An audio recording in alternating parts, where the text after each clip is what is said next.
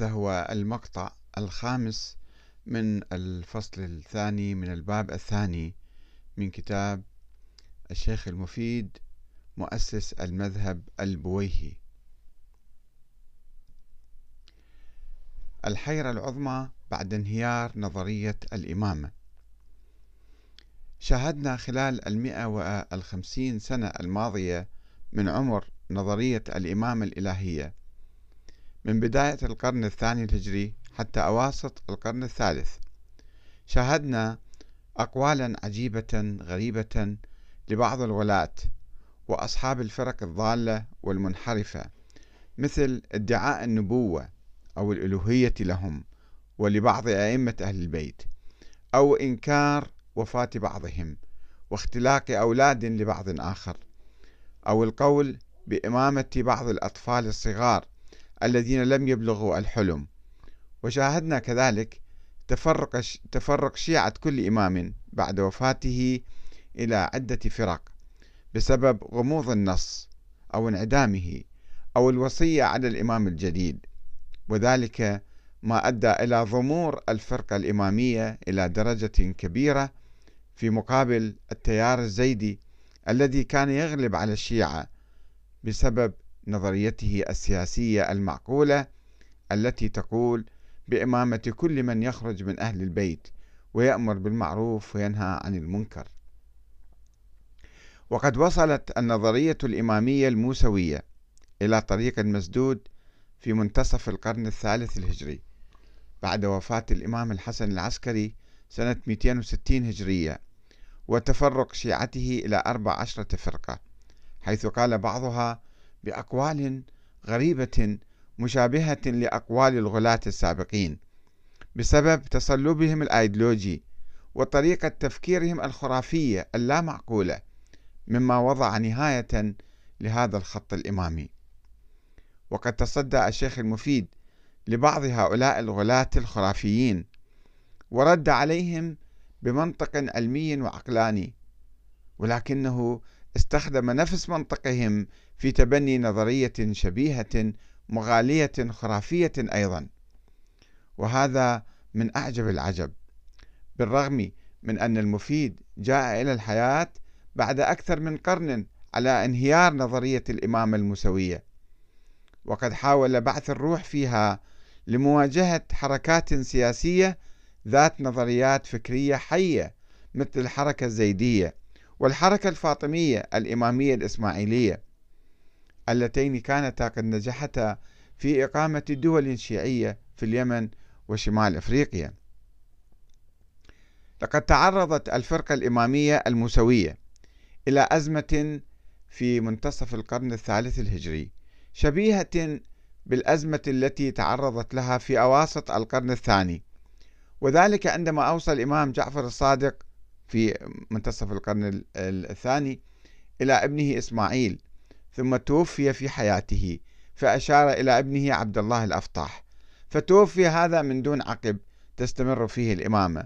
فافترق أصحابه إلى عدة فرق منهم من تراجع عن القول بإمامته وانتقل إلى أخيه موسى بن جعفر ومنهم من جمع بين الاثنين ومنهم من اختلق ولدا له في السر قال إنه الإمام بعده. وقد حدث ما يشبه ذلك عندما أوصى الإمام علي الهادي إلى ابنه محمد سيد محمد المدفون في بلد يعني. فتوفي في حياته فأشار إلى ابنه الحسن فتوفي دون عقب فتراجع بعض شيعته عن القول بإمامته وانتقلوا إلى أخيه جعفر. ومنهم من ذهب للقول بإمامة محمد المتوفى سابقا وقال كالإسماعيلية إنه لم يمت أو مات وأوصى إلى جعفر. ومنهم من اختلق ولدا للحسن العسكري في السر وقال إنه الإمام وإنه المهدي المنتظر. وقد تبنى الشيخ المفيد قول الشيعة الاثني عشرية الذين قالوا بوجود الولد واختفائه وظهوره في المستقبل. وتصدى لمناقشة الفرق الشيعية الأخرى باستعمال منطق مزدوج يرد على الخرافيين بالعقل ويرد على العقلاء بالخرافة. وسوف نستعرض فيما يلي محاولاته المتناقضة في هذا المجال. الحيرة الكبرى. أدت وفاة الإمام الحسن العسكري في سامراء سنة 260 للهجرة دون إعلانه عن وجود خلف له والوصية بتركته إلى أمه المسماة بحديث اسمها حديث. إلى تفجر أدت هذه الوفاة إلى تفجر أزمة عنيفة في صفوف الشيعة الإمامية الموسوية الذين كانوا يعتقدون بضرورة استمرار الإمامة الإلهية إلى يوم القيامة وحدوث نوع من الشك والحيرة والغموض والتساؤل عن مصير الإمامة بعد العسكري وتفرقهم في الإجابة عن ذلك إلى أربع عشرة فرقة.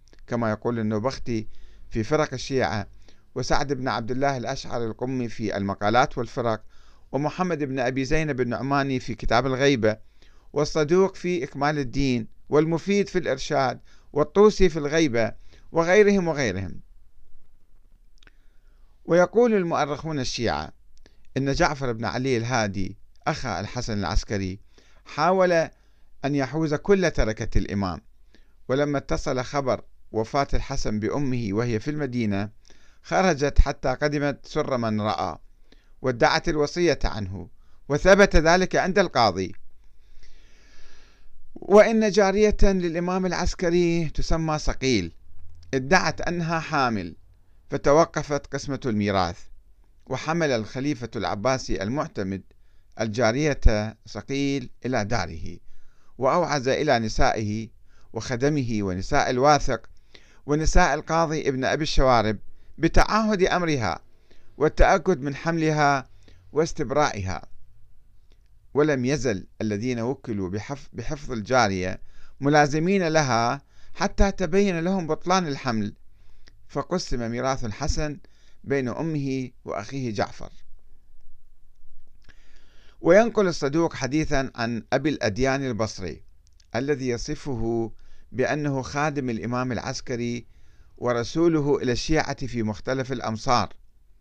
ينقل الصدوق عن هذا الشخص أن عامة الشيعة عزوا جعفرا وهنأوه وكان من ضمنهم عثمان بن سعيد العمري الذي ادعى النيابة الخاصة عن ابن الحسن بعد ذلك.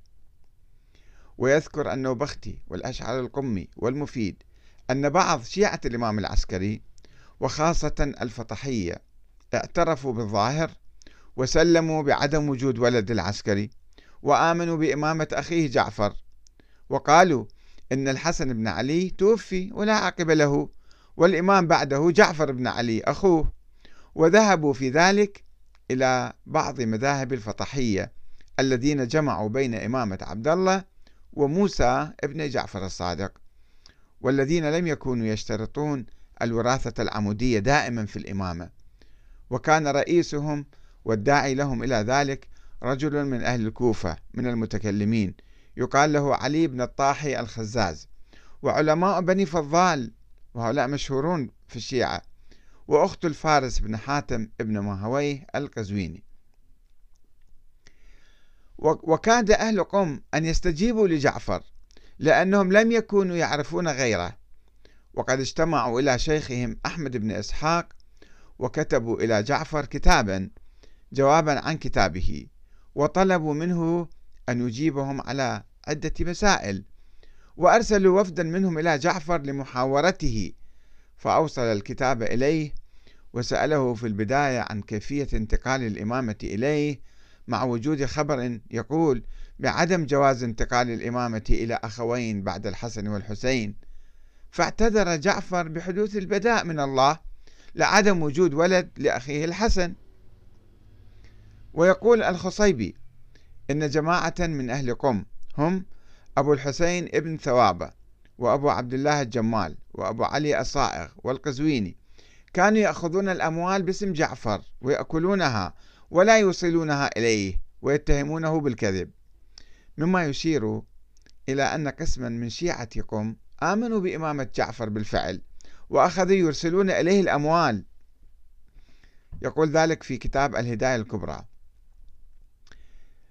آه، ادعاء الإجماع على ولادة ابن الحسن.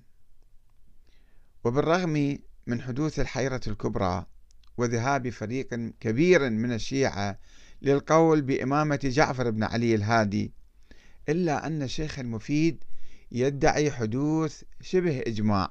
على القول بولادة ابن الحسن وإمامته فيقول لما توفي أبو محمد الحسن بن علي افترق أصحابه أربع عشرة فرقة فقال الجمهور منهم فقال الجمهور منهم بإمامة ابنه القائم المنتظر وهذا ما لم يقله النوبختي المعاصر والذي توفي في نهاية القرن الثالث الهجري وإنما انتشر في القرن الرابع عند ولادة المفيد.